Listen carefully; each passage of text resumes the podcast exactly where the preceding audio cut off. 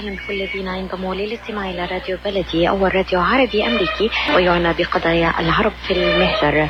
برامجنا في راديو بلدي كل يوم جمعة من الثامنة وحتى التاسعة صباحا مع ليلى الحسيني في بث حي ومباشر وعبر كي راديو 690 اي ام. صباح الخير بلدي صباح الخير لكل مستمعينا. Welcome to Radio Baladi, the first Arab, Middle Eastern, and American simulcast radio show. Radio Baladi is broadcast every Friday morning on WNZK 690 AM from 8 until 9 Eastern Time on Good Morning Michigan with Layla Al Husseini. Our call-in number 248 557 3300. And now, stay tuned for the best radio talk show on Arab and American issues with your host, Layla Al Husseini.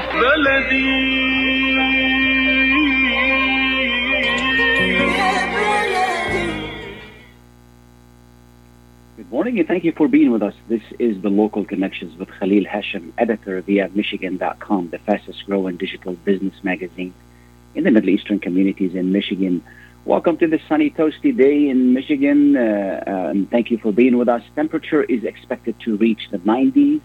Enjoy the warmth and be safe. Uh, the number here is 248 557 3300. Please give us a call should you have any questions or comment.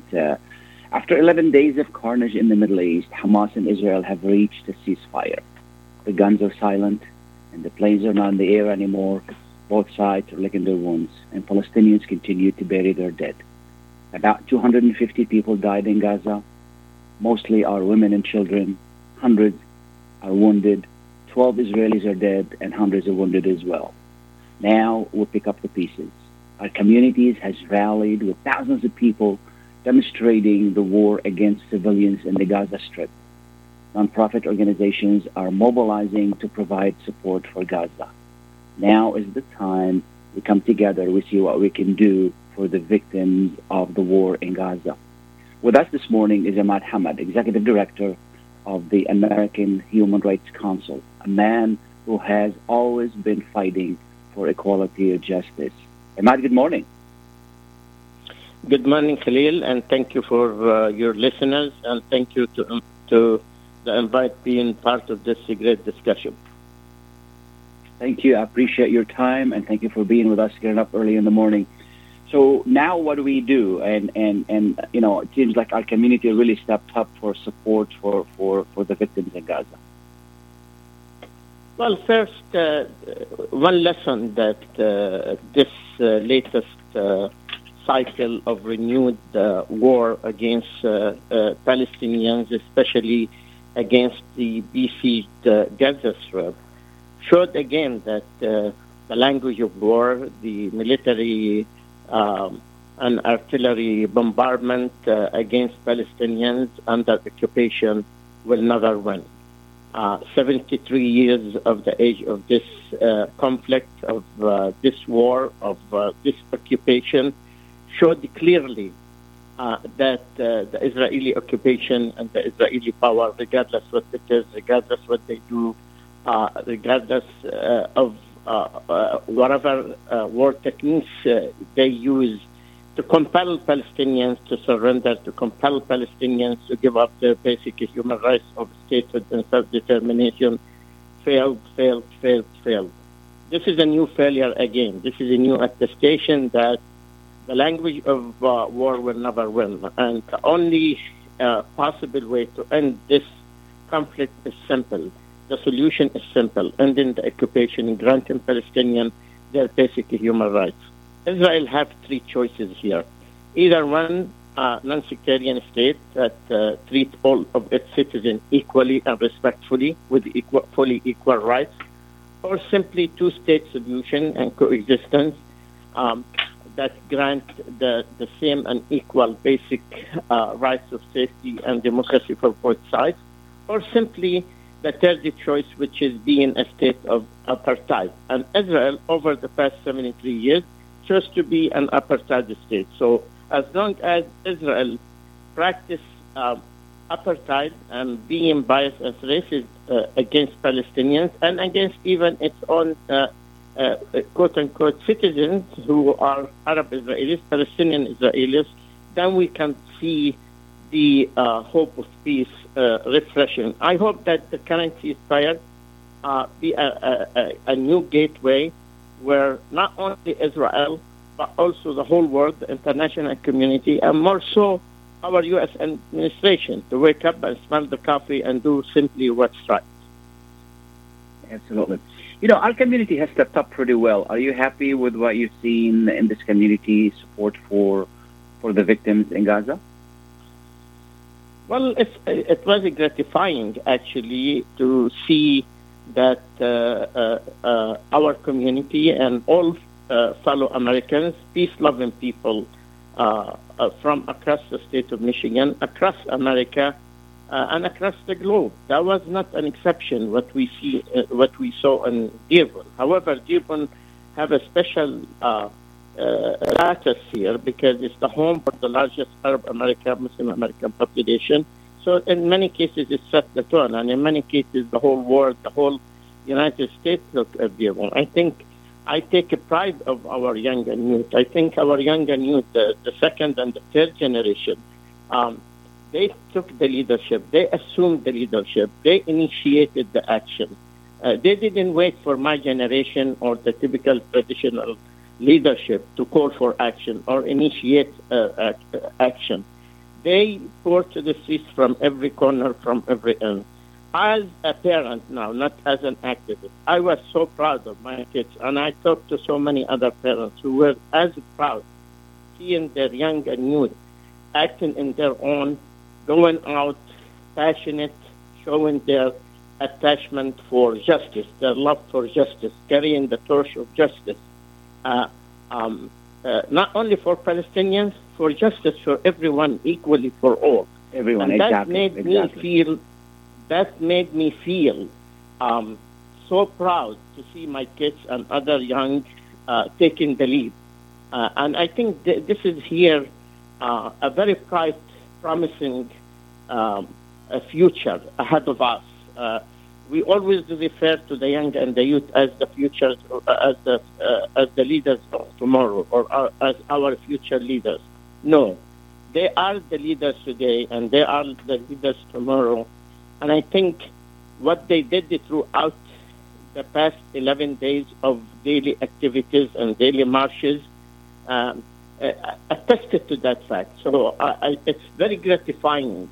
Uh, I think when we say Palestinian lives matter, Palestinians deserve to breathe, it's the same like we say in Black Lives Matters, all life matters. The human life is precious to everyone, and the value of a human life is not determined by its race, faith, or nationality. And that's the bottom line to it. What Palestinian face for the past 11 days is, is, is a genocide.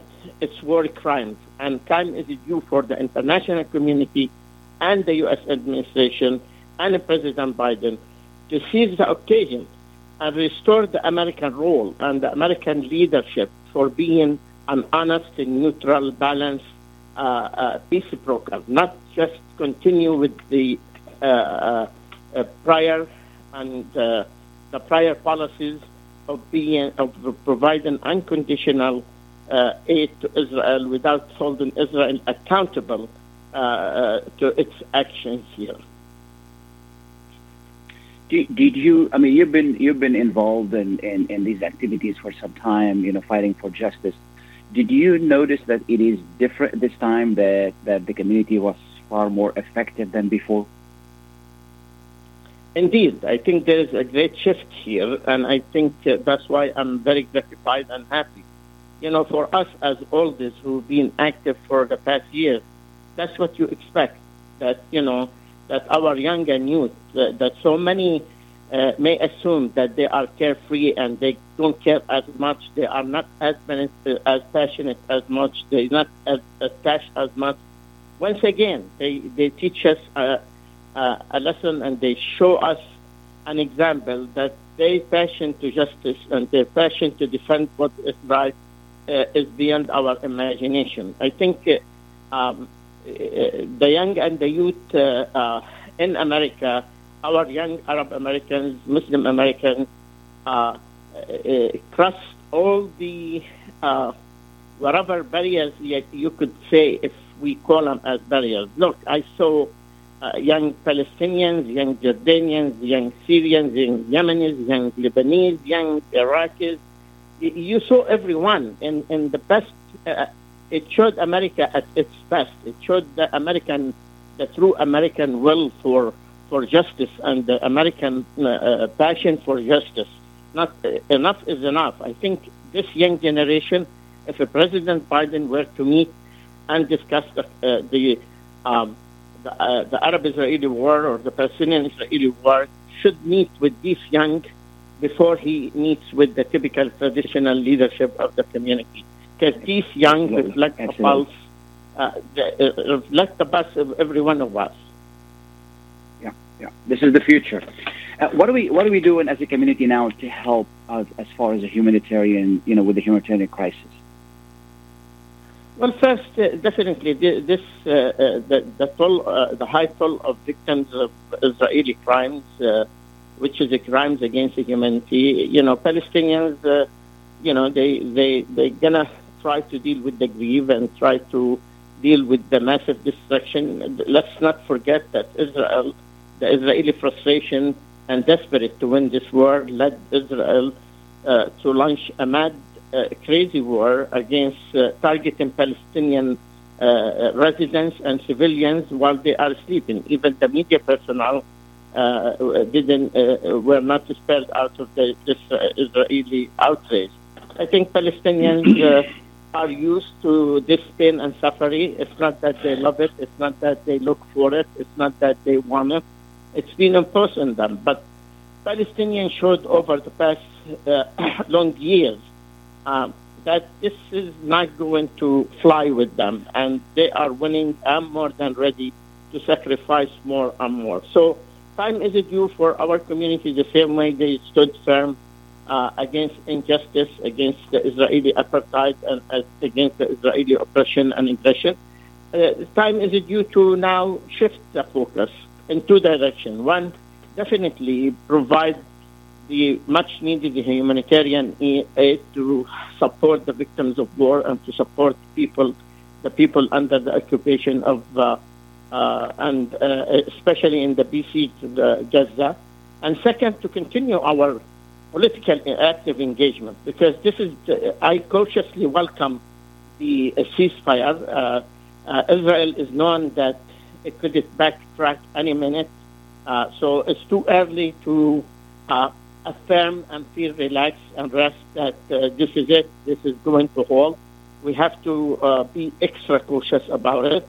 Uh, we want peace. We are a peace-loving people, but peace cannot be built without justice. No justice, no peace. Absolutely. And Absolutely. as long as the occupation exists, that peace will never uh, take course. We Absolutely. are peace-loving people. Absolutely. Our young generation, our people, our community, all peace-loving people need to continue the engagement because this is a reminder. This is a painful reminder. This is another painful reminder to all of us and to our U.S. administration. Time is overdue to do what's right and what's ethical, and we're not asking much. And this is why we need to continue the effective engagement, the effective engagement, and hold our elected officials locally and nationally accountable.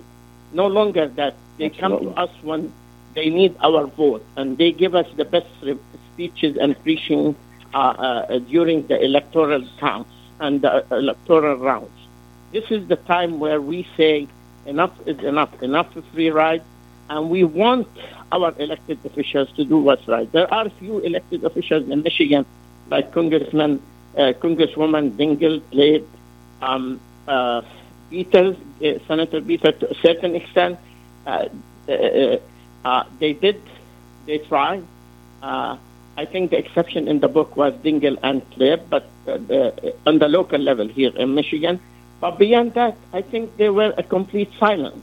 Shame, shame, shame. Yeah. We're not yeah. asking them uh, uh, to boycott Israel. We're not asking that. We don't expect them to do so. We understand the power of the lobby and the special interest and the long-term U.S. Uh, foreign policy toward this.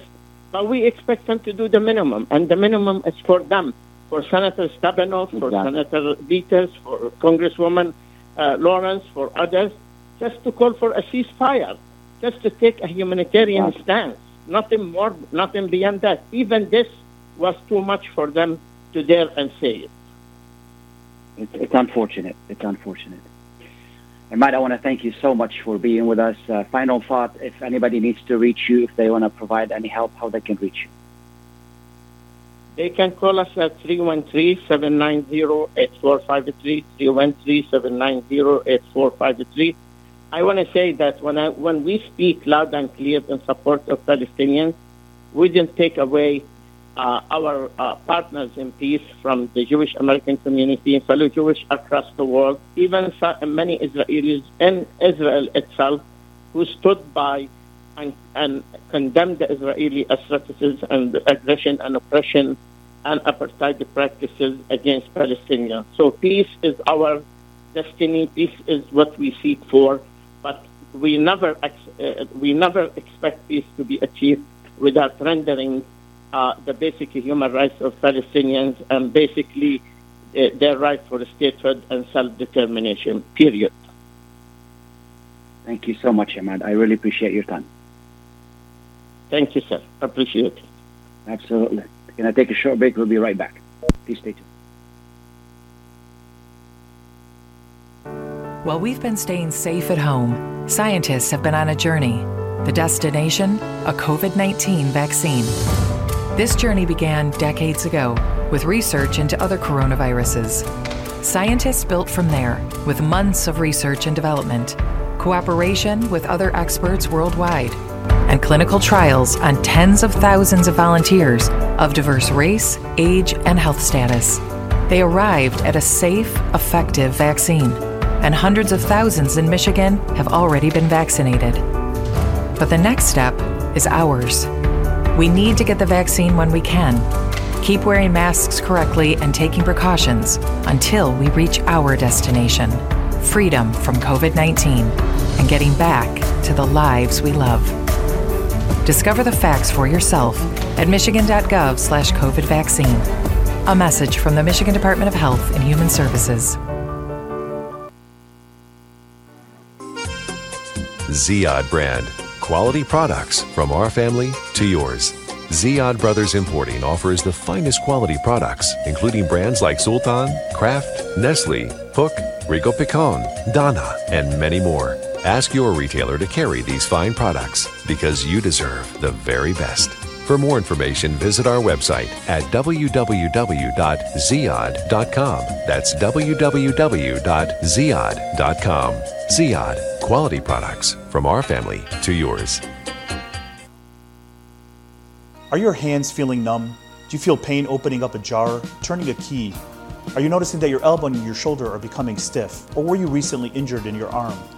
Hello, I'm Dr. Albanjit Katranji, and at the Katranji Hand Center, which just recently opened down the street from the Somerset Mall, we can provide you with the latest in hand, wrist, elbow, and shoulder care. Visit us at www.katranjihandcenter.com to learn the latest techniques that we have to offer you, and I look forward to taking care of you. Visit us in Troy at 1565 West Big Beaver Road, Building F, or call Katranji Hand Center for an appointment at 248 869 4263. That's 248 869 4263. Enjoy the first Syrian style cuisine in Michigan. At Damas Cuisine and Catering, you'll find a wide selection of Syrian foods and sweets in our menu, like frike, hoisin, grape leaves with steak, mashawi platter, hot mahashi, char grilled kebab, shawarma, and much more. Get super fast delivery from Damas Cuisine and Catering right to your door. Order online at damascuisine.com forward slash menu and track your order live. Damas Cuisine and Catering, 28841 Orchard Lake Road in Farmington Hills. Call 248 987 4985. Welcome back and thank you for being with us. Uh, we're talking about the events in uh, the Middle East and, and, specifically in Gaza. And our community has stepped up uh, uh in, in, in record numbers to really support uh, the innocents in that war. And when President Biden came to town, our leaders, uh, you know, talk to him and, and explain to him what he needed to do and what needs to be done. And one of those leaders is Representative Abdullah Hammoud. Good morning, Representative. Good morning. How are you? Good. How are you? And thank you so much for being with us. Uh, you know, general thoughts about how our community responded to this tragedy in Gaza. I'm proud of our community. I mean, I think we held a protest to the tune of 10,000 uh, people in the streets. Uh, plus, I think we also had a follow-up protest when Biden arrived, uh, making sure that our voices were heard and that we were seen uh, in the streets. Um, you know, speaking to what we know to be true, and that is that the Palestinian people have been ethnically displaced and ethnically cleansed people uh, under the oppressive apartheid regime of the Israeli government. Um, and then, you know, often we also had leaders who were having roundtable conversations who were approaching President Biden, you know, like Congresswoman Rashida Tlaib, uh, who spoke with President Biden on the tarmac. I mean, the first conversation he had off the plane uh, was in regards to Palestine. And so having leaders like that um, certainly helps advance uh, our voices in this community um, far, you know, further than we could have ever expected uh, several years ago. Absolutely. Now, you presented him a letter. What, what, what did you want? What was your message to him? You know, I had the opportunity to uh, speak with uh, President Biden for, you know, about two minutes. When I approached him uh, wearing my kofiyah mask, uh, he actually um, opened up the conversation with me. Uh, I think upon seeing my mask, he quickly uh, opened up and said, I want you to know I'm doing everything that I can. And so knowing that I only had a short time, I thought appealing to his humanity uh, would be the strongest appeal you can make because I, I do find President Biden uh, to be somebody who has displayed that humanity uh, along the campaign trail and over his years of service. Speaking to the similarities between many of our community members and between the president himself, children of working class families, uh, him and I, people who both got into public service after losing uh, a loved, you know, beloved family members, but then reminding him that, you know, isn't that why we're here? because we want to push forward and represent our communities truth, uh, truthfully and justly uh, in their spirit and their honor. And it was on that note that I pulled out the letter and I asked the president for his commitment to read this letter that I had written uh, regarding Palestine. And uh, he gave me his word that he not only would read, but that he would respond. Wonderful. How, how do you describe his response? I mean, the timing that he came to Dearborn at that time says a lot, and I don't know if it was an accident or not, but it really says a lot that he came to this community. what, what, do you think his just how how do you describe his response? You know, I um, I, would say in person, you know, um, the words of uh, "we're doing everything that I can," and uh, you know, the president oftentimes comes off as you know, very often, you know, he comes off as sincere. I think it's one of the the, the attributes he has, and, and why he's uh, president today. But I think we have to look at more than just his words. You know, it's it's it's one thing to say we're doing everything I can, and then another thing to block a UN resolution calling for a ceasefire. It's one thing to say I'm doing everything that I can, and then push forward an arms deal to the tunes of 735 million dollars to the Israeli military. And so, you know, I've learned in my years in office and in advocacy on this specific issue that it's not just about what people say. We have to look at the actions of what they do. Um, you know, my letter concludes on the note that a ceasefire is just the first step. Um, and this was before the ceasefire was called, knowing that eventually it would come. But we now have to work towards a free Palestine, and, and I think America has all the tools at its disposal. The president has everything that he needs, and he knows uh, more about this issue than, than, than many. And so we don't need to educate him on the facts. We just need him to realize, and for America to wake up and realize that they are on the wrong side of history and history will not vindicate their actions. Absolutely, absolutely. And, um, you know, our community has grown tremendously. I mean, we have people almost in every branch of government. Uh, you've been serving for four years now, is that correct? Yeah, this is uh, my fifth year. So. Your fifth year. Okay. And, uh, you know, I, I can't uh, have you on the show, excuse me, and don't ask you about your campaign. You're running for, for mayor in Dearborn. Uh, what's what's next, and why why do you want to uh, run for that post? You know, running for mayor is about giving back at the highest position in the city the community that gave myself and uh, they gave me and my family everything. My parents who immigrated here, myself and my siblings who uh, were born and raised here, and as somebody, who, you know, my wife and I reside here who want to grow our family here.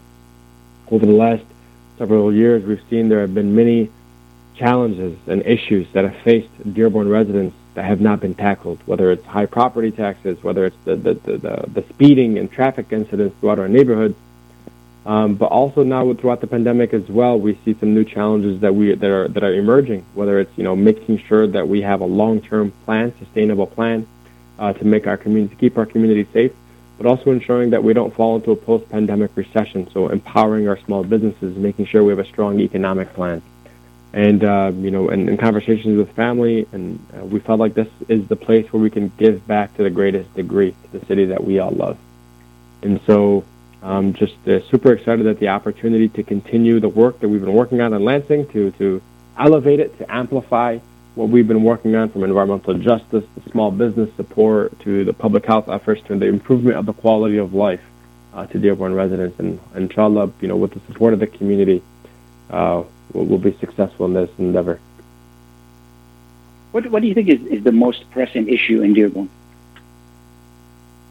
You know, if you ask the residents, the, the top two issues that I think seem to surface, you know, one is obviously the property taxes. In many ways, our property taxes ballooned following the economic recession uh, of 2007, 2008. Um, but uh, and and it's, it's, pushed many families away, you know, especially new new homeowners, because they're the ones who feel it most. That's the one opportunity that the city has to uncap the taxes based on you know the law that passed you know decades ago. And so a lot of new family owners are, are realizing that the economic value or argument to Dearborn is not justified. You know, I can move to Northville, Livonia, Canton, get a bigger house for the same value, get more land, and pay less in property taxes, and my services are, are just as good. Um, and uh, the school system is, you know, is just as good. And so you, you find people saying, I can drive the 20 minutes uh, to Dearborn to pick up anything else I need to see family. I think another major issue that we're hearing a lot about is the, the traffic incidents, the, the, the safety of our roadways in our neighborhoods. We see major car accidents each and every single day. And these are car accidents, you know, the frequency in which they happen, the amount of speeding that we happens and, and the points given to individuals driving recklessly, you know, rightfully so. Um, but it's also adding to the increasing car insurance rates. I mean, you can only pass so much reform. Um, and, and the reform that was passed in Lansing was not perfect, but it tried to alleviate and provide families with rate relief. But it's also hard that Dearborn is a high risk city because of the number of accidents and speeding drivers that we have. And so if we can tackle the issue of speeding in a smart and preventative fashion, not only do you make your neighborhood safer uh, as it pertains to those speeding in the, in the streets for our children and for those playing outside, uh, but you also you know have a long-term, longer-term solution to beginning to gradually reduce our auto insurance rates by decreasing the risk of the city of Dearborn. Absolutely, absolutely. And out of fairness to all the people who are running uh, uh, here at USR Radio, we're going to be having segments with every candidate running for mayor, so we can give everybody equal chance to to discuss this. And then uh, we're going to be talking to you, uh, Representative Hammoud, again, so so we can talk in depth about your plans. You know, it's one thing to identify the issues; another thing is what you're going to do about it, and that's going to save that discussion for later. Now, for Gaza, if people need help, or, or are you doing anything that uh, that people need to know about? You know, we're elevating the voices of our community members. I, I largely believe that when it, as it pertains to the protests or the rallies, or tonight there's a candlelight vigil, um, it's not necessarily supposed to be the platform for electeds to come forward and speak, but for us to be there and to listen uh, to listen to uh, the stories and the cries and the pain of the community members, and that's what we'll be doing tonight. I'll be at the candlelight vigil. I know there will be protests this weekend that we will try to do our best to be a part of as we were previously. Um, and continue to use our platform to share information. If you look at my Facebook or Instagram uh, and our stories, I'm just continuously sharing factual information, what's happening on the ground, the stories, the pictures, the images, uh, to try to change the narrative, to educate folks who are not educated um, and I think I saw somebody tweet something perfectly. You know, if you have uh, the depth to understand cryptocurrency, uh, you can very easily understand uh, the the plight of the Palestinian people. It's not a complicated issue. There are no two sides to this issue. It's just the one side of justice and humanity. And inshallah, uh, with time, we see, we are seeing the narrative change before our eyes. And if we stay steadfast, uh, I think um, we can change the direction and the course in which America has been taking. I thank you so much for your time. I really appreciate all you do for us. And then we'll be talking thank soon so much, about the elections. Inshallah. Thanks a lot. Thank you. Okay. Bye now. We're going to take a short break. We'll be right back. Please stay tuned. Wearing a mask is more than protection. It's a bridge to better days, the path back to celebrations with family. nights out on the town with friends, game days with your favorite sports teams, and the thrill of live concerts. But until we can all get the COVID 19 vaccine and build community immunity, which will take time, we all need to continue to stay careful because Michigan's recovery is depending on you, and so are your family, friends, and neighbors. So even after you're vaccinated, wear a mask, avoid large gatherings, and social distance. One day in the near future, we will all be able to put this pandemic behind us. But until then, spread hope, not COVID. Learn more at michigan.gov slash coronavirus. A message from the Michigan Department of Health and Human Services.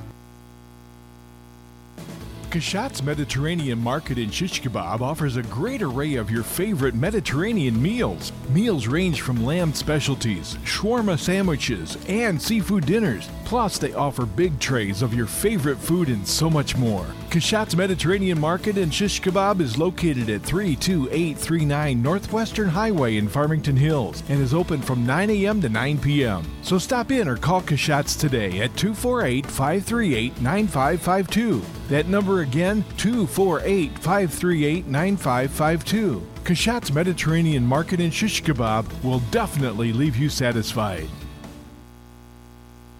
When it comes to reproductive medicine, IVF Michigan Fertility Centers are the recognized leaders. With locations in Bloomfield Hills and five other cities in Michigan and Ohio, IVF has experts in all aspects of the field. As a founding member of IVF Michigan Fertility Centers, Dr. Nicholas Shamma is one of the leading reproductive endocrinologists in Michigan and Ohio. Dr. Shamma has performed over 10,000 IVF cases and has helped thousands of couples fulfill their dreams of parenthood. American board certified in both and gynecology and reproductive endocrinology and infertility, Dr. Nicholas Shamma is a very caring, compassionate, expert physician that understands not only the medical but also the emotional toil of infertility on his patients. When it's time, get personalized care from Dr. Nicholas Shamma at IVF Michigan Fertility Centers in Michigan and Ohio. Call toll free 855 952 9600. 855 952 9600. Get ready for an amazing experience at Ishtar Restaurant on 15 Mile Road in Sterling Heights. Enjoy excellent hospitality from owners Ali Al Baghdadi and Fatty Bonham, serving the best in Mediterranean food. Try Chef Ali Al Baghdadi's famous shawarma, the best Iraqi grills and food, and the best Arabic and international dishes. Dine in our authentic atmosphere or take out. Call 586 698 2585 or check us out on Facebook. Ishtar Restaurant practices all CDC guidelines and is open every day 11 a.m. to 10 p.m. Have an amazing experience today at Ishtar Restaurant, 3625 15 Mile Road, Sterling Heights. Welcome back and thank you for being with us. We're going to continue the conversation about uh, the tragedy in Gaza and the 11 days where more than 250 innocent people uh, uh, died and were killed, and mostly women and children. It's, it was really, uh, you know, but be, be, before anything, I just want to let you know Gaza is this densely populated area. It's, it's, it's not what you think. It's not like a, a country by itself it's this area that is blocked off by Israel and then blocked off by Egypt, and people can't even get their basic stuff. So the the, the situation there is very depressing, and, and they need a lot of help. And we're going to continue our discussion with our good friend Amer Zahr. Amer is a law professor. He's a comedian, and he's an activist for civil rights and for equality and justice for the Palestinians. Good morning, Amer. Thank you for being with us. Khalil, good morning. Thanks for having me. I appreciate your being with us, and, and, and I know what it means to you to be up early. But this is uh, this is a worthy cause, and I thank you so much for taking the time to be with us. In, in general, what's the update? What, what what do we need to know? Well, I, you know, as as everyone knows, yesterday um, there was a, ceasefire reached, and you know the president made an announcement about it. Now, look, let's see. Um, in 2014 war in Gaza, which everyone remembers, where 2,000 civilians were killed by the Israelis in over 50 days, there was three or four ceasefires during that during that particular episode. So let's see in the next day or two if this holds. Um, you know, this this moment is different. I mean, the the events that led to this. Well, obviously, the events that led to this have been going on for 73 years, but you know, I'm sure I wasn't listening before, but you might have been talking about the events of uh, Sheikh Jarrah neighborhood in Jerusalem, where yeah, actually, I saved that. are- I saved that for you to talk about because I'd like you to provide very brief history so our listeners would know Okay. what the history of that neighborhood. Okay, so uh, there's a neighborhood in East Jerusalem called uh, Sheikh Jarrah. It's a very old neighborhood. It's actually named after Salah ad-Din's surgeon, uh, Jarrah. So it's a very old neighborhood, and it's a been a Palestinian Arab neighborhood for centuries. Um, there were some families that were moved into that neighborhood after 1948. Remember, in 1948, 750,000 to 900,000 Palestinians were ethnically cleansed and made refugees by the state of Israel. Some of those moved into East Jerusalem in this neighborhood called the Sheikh Jarrah. The Jordanian government moved them there. Um, now, in the past, well, in the past many years, there have been Israeli settler groups, some of them American, who have done their best to get those residents out and replace them with Jewish settlers. So, get Palestinians out and replace them with Jews. We have a name for that. That's called ethnic cleansing. They've been trying to ethnically cleanse that neighborhood, just like they've been trying to ethnically cleanse Palestine. And they were trying to do that through the courts. What happened a couple months ago is the courts, the lower courts, decided that yes, these people should all be, you know, they call it evicted. These people should all be evicted. Not only that, the courts ordered every one of those Palestinian residents that they were about to evict to pay twenty thousand dollars in legal fees to all these settlers. Well, that's how the sort of To demonstrations the settlers, they want to pay. started. They're being evicted. They want to pay money to the settlers too. Correct. The court Okay. ordered the uh, the tenants who were being evicted to pay each settler twenty thousand dollars in legal fees for the hassle of having to go to court to evict these Palestinians. My So- God. that was when the first thing started in Jerusalem, as we saw, and we saw the campaigns on uh, on uh, Facebook and Instagram of the hashtag of save save uh, Sheikh Jarrah, unqudhu Sheikh Jarrah, hayy Sheikh Jarrah, and that that was what led to uh, a lot of popular demonstrations throughout all of Palestine, everywhere, including what we call the 1948 lands and the West Bank and Gaza. Uh, the the the element of Hamas entering started about 12 or 11, 12 or 13 days ago. The point I'm making is that this the the Sheikh Jarrah thing still has not been resolved. That's now in the Supreme Court, who has put it off a couple times. They're supposed to rule on it, I think, in another 15 days or so. And that particular injustice is is likely still going to happen. So this this uprising, this this sort of moment that we're in is not over simply because there was a ceasefire signed yesterday, which might not last anyway. And let's be clear, it's important when we talk about these things that we use the right words. This is a good time to re-educate ourselves on terminology. Yes. It's not a conflict. Yes. It's an occupation. It's not a conflict. It's apartheid. It's not evictions. It's ethnic cleansing. My grandmother was kicked out of her house in 1948 and replaced with another group of people. She was the wrong religion for them. She was the wrong race for them. That's not, we have a name for that. It's called ethnic cleansing. There are separate roads for Jews and non Jews in the West Bank. We have a name for that. It's called apartheid. It's very important that we advocates of Palestine, and especially Arab Americans, always use the right terminology. Yes, these words are not nice. It's not nice to have to say these words, but they reflect the reality on the ground.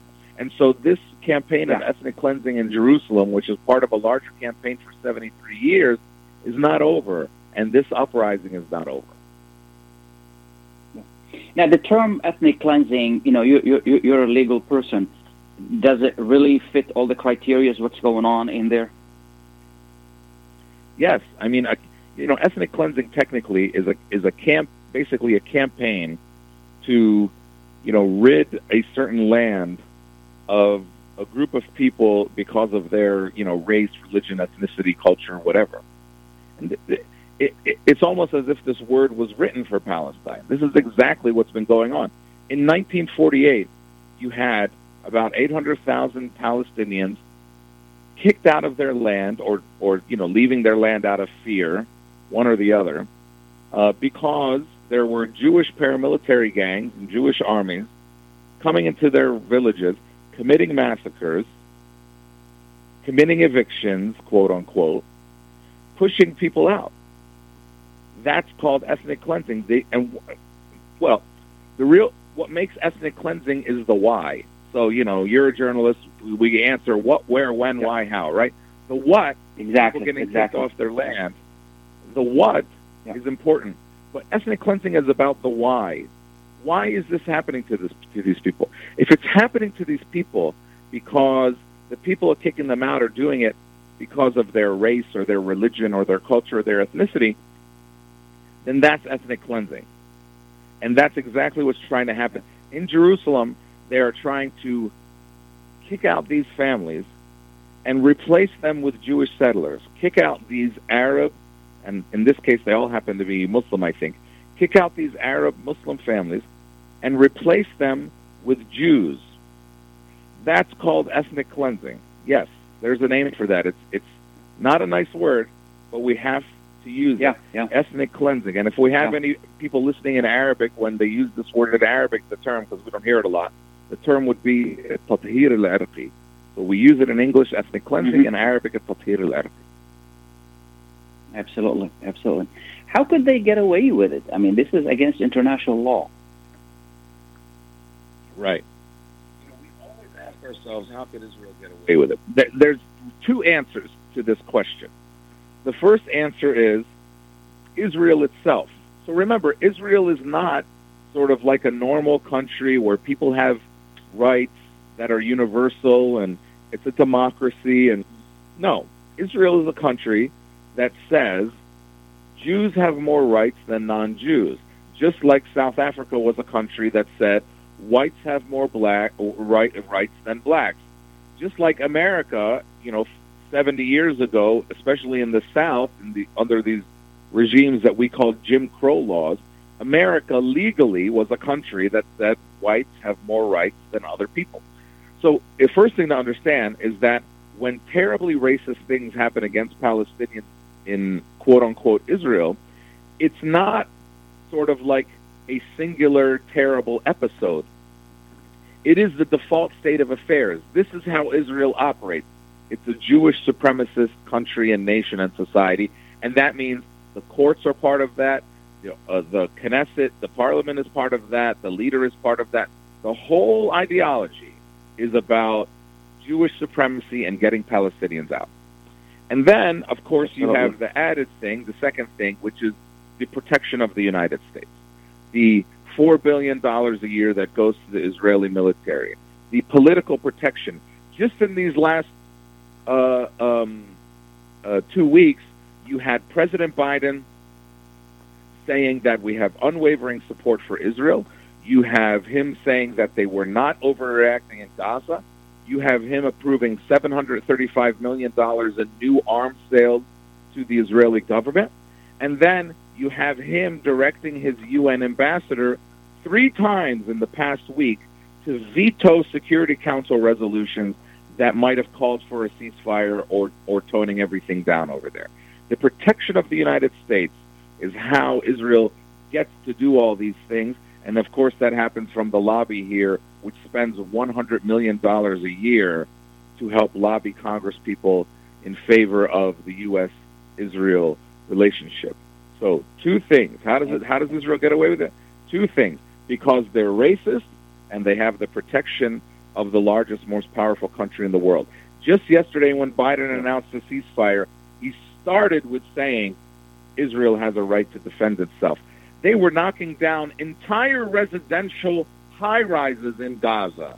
And he gets on and says Israel has a right to defend itself. They were killing women and children. They have a right to defend themselves. This is talking points. These are bought and paid for talking points by the Israeli lobby that the President of the United States is repeating, and he's been trained on these talking points for 40 years. That's how these things happen. Absolutely. Absolutely. Absolutely. You know, I can't, with, with all the tragedy that's going on and with all the history, but still, I can't help but ask the question here as a journalist was it the right decision for Hamas to, um, you know, to launch uh, uh, rockets on on on Israel and then, you know, uh, see the word to start this is not correct because this has been started a long time ago, but you know, to to right. flare up this episode, if if that's the right word, and if I'm not saying it right, please correct me. Well, I mean, look, do we ask do we ask a victim you know, do we judge how a victim reacts to their abuser? Do do we do we you know, when we thought about apartheid in South Africa, did we ever call it a conflict? Did we ever call slavery a conflict? Did we call the Holocaust a conflict? Did we judge how the victims of those things reacted under the intense pressure and the intense humiliation that they were going under every day? Khalil, I hope you get the chance to go to Palestine one day. It is the most beautiful land on planet Earth, with all my respect to other countries. It is the most beautiful land on planet Earth, and it is one of the most significant lands on planet Earth. Whenever I go there, I understand why the Israelis want to steal it from us. It's beautiful. And if you go there, though, you will also experience firsthand, as an Arab, the terrible discrimination that happens when you enter a border crossing, whether it's at the airport or through the West Bank, of being set aside for hours simply because you're Arab and watching Jews and white people walk right through without any problem at all. And then you'll go through a checkpoint in the West Bank and see how they treat Palestinians like animals through these checkpoints and treat them like they are not worth even the most basic human rights. And then you will see Absolutely. how there are Israeli military throughout the West Bank pointing guns in the face of families you know, hopefully you got a chance to watch this Netflix movie called The Present that came out just this last few months that was nominated for an Oscar. It's only 20 minutes long. I encourage everybody to call it, watch it. It's called The Present, El Hadiya, on Netflix. It's only 20 minutes long, and it shows all these things.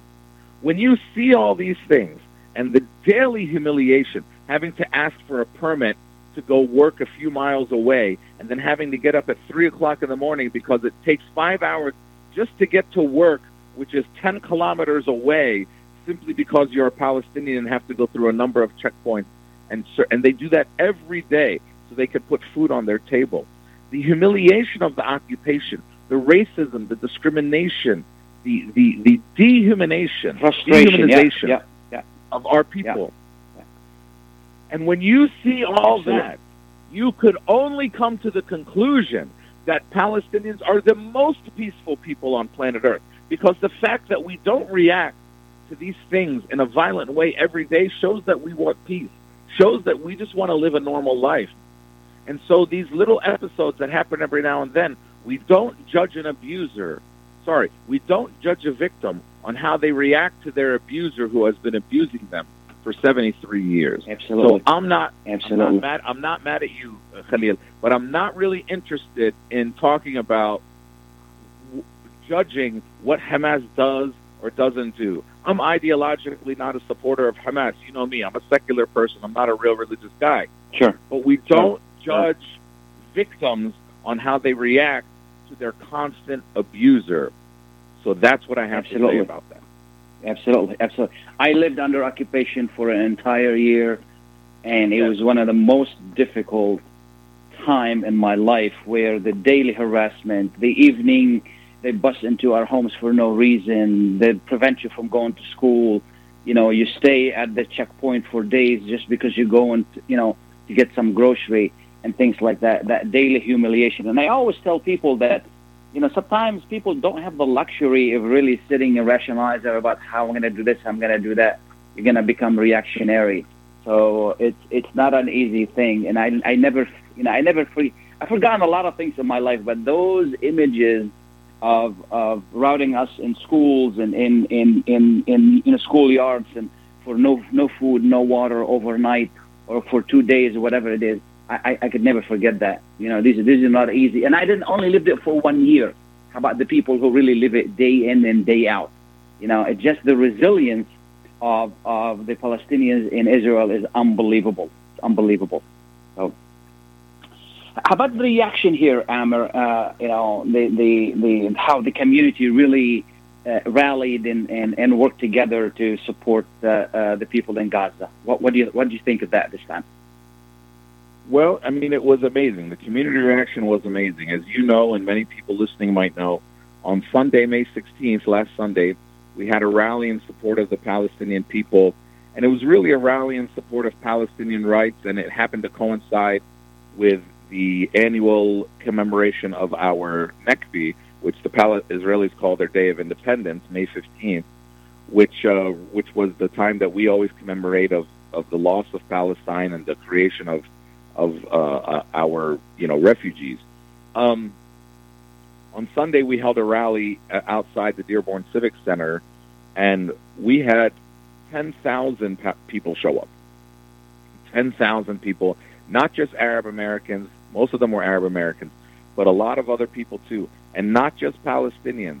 There was Iraqi, Yemeni, Lebanese, Syrian, Jordanian, Egyptian, people from all different cultures, because Palestinian rights are human rights. Palestinian is a universal, Palestine is a universal human rights issue. And people showed up.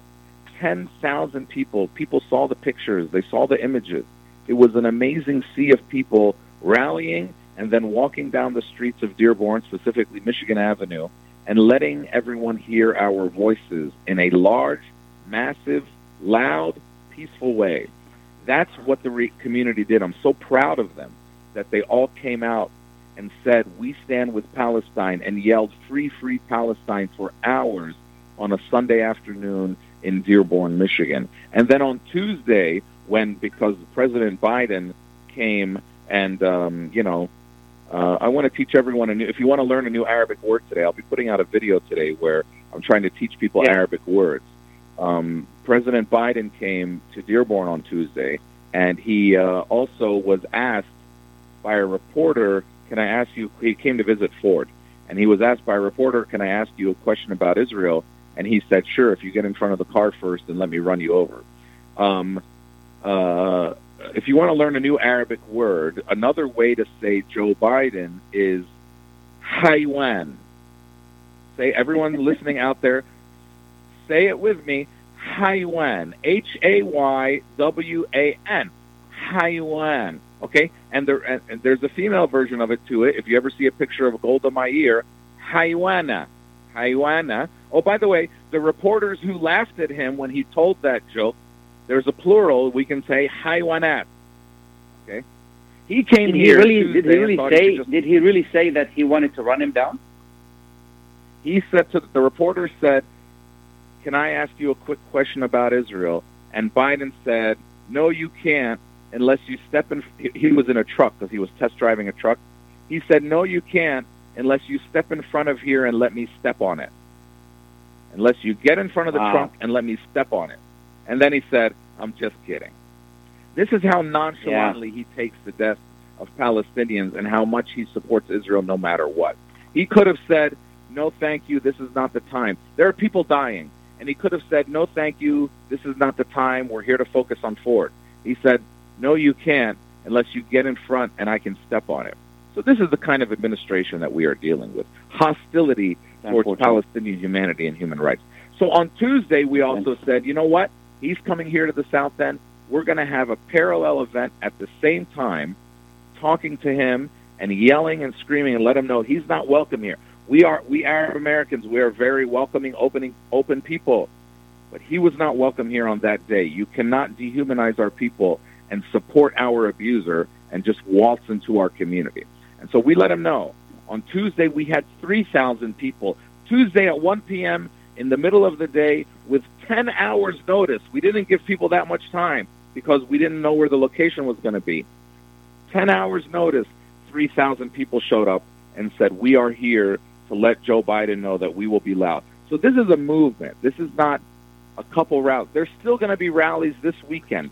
Saturday in Ann Arbor, and they're having ones in Warren City and Rochester. This ceasefire doesn't mean the end of our action. This movement was about Palestinian rights and everything since 1948, not just the past few weeks. This movement is about Americans standing up and saying, we stand with Palestinians. This movement is different because there have been so many non Arabs and non Palestinians who have spoken up, celebrities in social media and Facebook and Instagram saying that they stand with the Palestinians. This movement is different because no more are Americans looking at Palestine as a humanitarian crisis, but no, they're looking at it as they should, as a political crisis of oppression and people losing their rights. There are humanitarian implications to this, but it's not a humanitarian crisis. We are not a charity case. Um, this is not an earthquake or yeah, a we're running out of time, or I'm a big storm. Yes, this is a political crisis, and we need to treat it the way we treated apartheid, the way we treated Jim Crow, and stand up all collectively as Americans and keep marching and say, this is wrong, and say, free, free Palestine. Thank you, Khalil, for all your Thank support Amer. and everything you've done for us. Absolutely. I appreciate it. Thank you so much for your time. We're running out of time. Appreciate it, Amir. Thank you. Have a great lot. day. We're going to take a sh- absolutely. Going to take a short break. We'll be right back. Life is a nonprofit charity that's provided humanitarian aid and development to people and communities for over 25 years, regardless of race, color, religion, or cultural background. When disaster occurs here or around the world, Life for Relief and Development rushes in to provide food, medical aid, and shelter to those in need. Please help improve these efforts. Make your tax deductible donation to Life now at lifeusa.org or call 248 424 7493. When you're looking for the best in optical care, Dr. Imad Nakash is your doctor to see. With years of experience and thousands of successful procedures performed, you can trust your eyes to Dr. Imad Nakash. See Dr. Imad Nakash and his professional staff for your eye care needs. There's two locations to serve you. In Hazel Park, call 248 336 3937. 248 336 3937. In Rochester Hills, call 248 299 3937. That's 248 299 3937. Are you going to start a restaurant or a grocery store soon? Do you need floor plans and designs? Call Najee Abood at 734 744 9796. Do you want to buy kitchen and restaurant equipment at discount prices? Call Najee Abood now, 734 744 9796. New Concept Products and Design, the trademark of kitchen equipment. 5% discount on all purchases of $75,000 or more. New Concept Products and Design, new location, 31 185 Schoolcraft in Livonia. Learn more at www.newconceptproducts.com. Call Najee Abood 734 744 9796.